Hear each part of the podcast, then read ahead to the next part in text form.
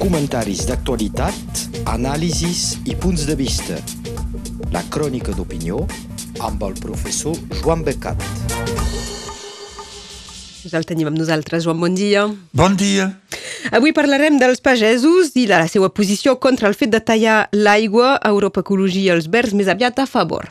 Sí, dimarts passat, al matí, els pagesos han manifestat del Palau de les Exposicions fins a la prefectura, convocats per les entitats agrícoles amb el suport de molts batlles de les cambres del Consell Departamental. Demanen que no se talli l'aigua dels recs del Riberal, que el prefecte faci un recurs contra la decisió del Tribunal Administratiu de Montpellier i que prengui disposicions per l'estiu d'enguany perquè no se perdin les collites, perquè l'aigua serà tallada. Era un matí fred, per sort, amb poca tramuntana, on fins i tot va caure una mica de neu. Va ser una manifestació nodrida i digna, amb prou gent, malgrat el temps, amb els tractors, que sempre són espectaculars i donen un toc de realitat rural a les manifestacions pageses. Anant-hi, vaig veure almenys una desena de furgons de gendarmeria mòbil aparcats al voral de la bassa del tribunal fins als correus. Me va sorprendre, perquè se sabia que seria una manifestació tranquil·la. Per què mobilitzar tantes forces d'intervenció? Que el nou i jove prefecte creu que els pagesos i els molts batlles que els acompanyen eh, posarien Perpinyà a foc i a sang? Que eren black blocs? Perpinyà no és París, on ell va ser secretari general adjunt de l'Elisi fa tres anys, és a dir, a l'època de les armilles grogues, en va ser traumatitzat el nostre prefectet. Els departaments dels representants dels pagesos van ser com de costum concrets, clars i contundents. Tenen peus a terra i mesuren les dificultats que tindran aquest estiu, amb una decisió que diuen boja i extremista. I tenen raó. Jo afegiria que és una decisió antiecologista, car per salvar la tet, on jo he vist aigua tot l'estiu passat, sacrifiquen el biotop dels recs amb els seus arbres, la vegetació, els ocells, els animals i de tota la plana irrigada. Aquest biotop, biotop no mereix respecte i conservació? Doncs per què tallar l'aigua? A certs moments va ser un ultimàtum al prefecte. S'ha de moure per suscitar solucions, primer de tot, per aquest estiu i perquè l'Estat ajudi l'agricultura a existir tot evolucionant. Els he vist molt remuntats i decidits a no deixar-se morir. Vaig pensar, a llavors, que el prefecte seria ben inspirat si feia un recurs de la sentència, ni que sigui per guanyar temps i evitar més problemes. És el que acaba de fer. Hi havia molts batlles i elegits. Va parlar en nom d'ells l'Edmond Jordà, batlle de Santa Maria i president de l'Associació de Batlles. Va dir que és un atac a la ruralitat i a l'economia del departament i va declarar que els batlles suportarien els pagesos sempre. Evidentment, és veritat que hi ha una sola vila dins del departament, Perpinyà, que per cert negligeix la seva part rural i que tots els municipis o bé són rurals o viuen dins aquest entorn. Donc solidaritat. Hermelina Malerva, la presidenta del Consell Departamental, ella també al damunt de la plataforma d'un tractor, ha insistit sobre la solidaritat del departament per trobar solucions i ajudes a les evolucions que imposen el canvi climàtic i unes decisions judicials fora de context. Ha insistit també perquè el prefecte faci un recurs. L'ha fet, doncs. Dins aquesta òptica, proposa una concertació de tots per preparar un bon dossier i d'ara endavant trobar junts una millor gestió de l'aigua. És de seny i efectivament és el que cal fer. ja fa temps que ho preconitza també, fins i tot a Radio Arels, el vicepresident Nicolás Garcia. El prefecte va rebre després una delegació. És el moment ara, Joan Becat, d'interessar-nos a l'altre camp, a la posició d'Europa Ecologia als Verds. Sí. L'endemà de la manifestació, dins les dues pàgines que hi va dedicar l'Independent, vaig saltar sobre la meva cadira quan vaig llegir les justificacions d'un interviu sota l'encapçalament pour Europe Ecologie Les Verts. Això és altra cosa. D'una banda, significa que hi ha col·lusió entre la Federació d'Entitats que ha portat l'afer en justícia i aquest partit. Suposi que els pagesos i altres se'n recordaran. Un dels seus líders ho va dir en els discursos.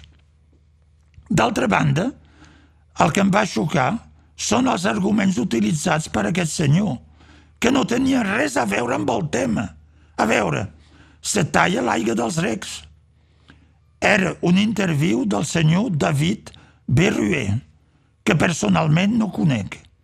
Va ser candidat per la NUPES a les darreres eleccions legislatives dins la segona circunscripció a Glissalanca i no va guanyar.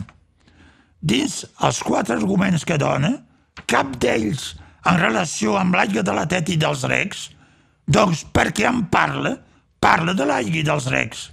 El senyor Berruer diu que vol, citació, la fin de l'étalement urbain. Molt bé. És veritat que s'ha exagerat i que caldria canviar de model. Però a veure, tallar l'aigua dels recs canviarà les decisions d'urbanisme? Qui s'ho creu? Doncs, perquè aquest ho diu. És cert que tallar l'aigua dels recs canviarà la vida dels pagesos i alterarà el biotop de la plana. Però, si se talla l'aigua dels recs, se faran menys cases? Els debats als quals he participat en la meva vida, quan una persona pren posicions dogmàtiques, afirma una doctrina, com ho fa el senyor Berruer, quan procura d'aquesta manera desviar el tema, miri de veure la seva coherència personal. Si en té de coherència, per exemple, amb la seva vida o les seues accions, té el meu respecte, fins i tot si no estic d'acord. En el cas contrari, no el té el meu respecte. Això dit, segons he pogut veure a Google Maps i al cadastre, que són documents públics i fàcils d'utilitzar per internet, com podreu comprovar si voleu, m'ha semblat que el senyor Berruer s'està a les afores de la, bella, de la vila veia de Tuí, les extensions, on hi ha aquestes extensions urbanes que ell vol aturar. M'ha semblat també que era una zona d'urbanitzacions de casetes i de casasses. Com ho hem d'entendre? Suposi que no serà jo estic col·locat i pels altres que se'n vagin a pastar fang. També aquest senyor parla, citació, du droit à disposer pour chacun d'eau potable i de l'ús agrícola de regar. Me xoca molt, perquè si és veritat que l'aigua de regar serveix pels cultius, no és veritat que l'aigua potable serveixi a les necessitats bàsiques de la gent, beure, rentar o fer cuina. A veure, a Tuí, on s'està el senyor Berruer, he comptat sobre el cadastre 278 piscines privades particulars. És aigua ben gastada per una prioritat vital en un període on ell diu, citació, l'eau manque et il va falloir établir des priorités, a veure, a Tuí, on el senyor Berruer s'està, les piscines són una prioritat quan falta aigua a l'aixeta? És raonable? Les piscines fan part del dret a disposar d'aigua potable? perquè és amb aigua potable que s'omplen aquestes piscines. He vist que ell no té piscina, però que n'hi ha dues al darrere mateix de casa seva i una al seu davant de l'altra banda del carrer. A veure, ha renyit amb aquests veïns irresponsables? Ell ha demanat a l'Ajuntament de Tui que se'ls talli l'aigua com vol que es talli l'aigua dels recs? Per què cercar excusa i parlar d'altra cosa? Tot això no, res, no té res a veure amb els recs. Ell justifica de qualsevol manera que se facin tallar l'aigua del rec. Però això donarà més aigua potable? També el senyor Barruer, Barruer parla del 2.000 foratges agrícoles il·legals. És veritat. Tot i que no són tots agrícoles. Aneu a la plana baixa d'Argelès fins a Sant Hipòlit i ja me direu que veieu. Però això dels foratges il·legals és una altra vegada pixar a fora del pot de cambra. Per què en parla aquest senyor? Aquests foratges il·legals no són al riberal, on precisament hi ha l'aigua dels recs. Això fa que no cal puar en el subsol. Que sapigui, aquests foratges són a la plana baixa, on no hi ha recs d'irrigació. És que tallar l'aigua dels recs dels riberals farà que hi hagi menys foratges il·legals a la plana baixa, a la plana litoral, es veu que la seva afirmació és una estupidesa. A veure, amic Nicolas Berjoan, que ja s'ha determinat, i Agnès Langevine, ja que el senyor Berruer parla en nom d'ecologia als verds, esteu d'acord amb aquestes bajanades? Digueu-ho clar. Esteu d'acord de tallar l'aigua dels recs? amb qualsevol pretext. Digueu. Aquesta setmana hem tingut amb, amb nosaltres precisament Nicolás Barjoan. Um, Joan Bacat, canviem de tema i uh, ens traslladem cap als tribunals europeus uh, perquè és que ens interessem si faran cas dels presos i els exiliats catalans. Efectivament, aviat hi haurà les primeres respostes sobre els recursos dels presos catalans condemnats i després indultats davant del Tribunal de Drets Humans d'Estrasburg, que depèn del Consell d'Europa, i els recursos dels exiliats davant del Tribunal de Justícia de la Unió Europea, que és a Luxemburg. Pels uns com pels altres, hi haurà diverses sentències, perquè les situacions i els recursos són diferents. Comencem pels uns. Pels presos condemnats pel Tribunal Suprem espanyol, a la conferència de premsa d'inici d'any, per indicar les prioritats, una declaració de la presidenta irlandesa del Tribunal d'Estrasburg de Drets Humans ha mostrat que els casos catalans, com ha dit, segons ella, són, citació, un cas d'impacte, Vol dir important, que impacten els drets i que és prioritari. Amb aviat novetats sobre alguns dels afectats.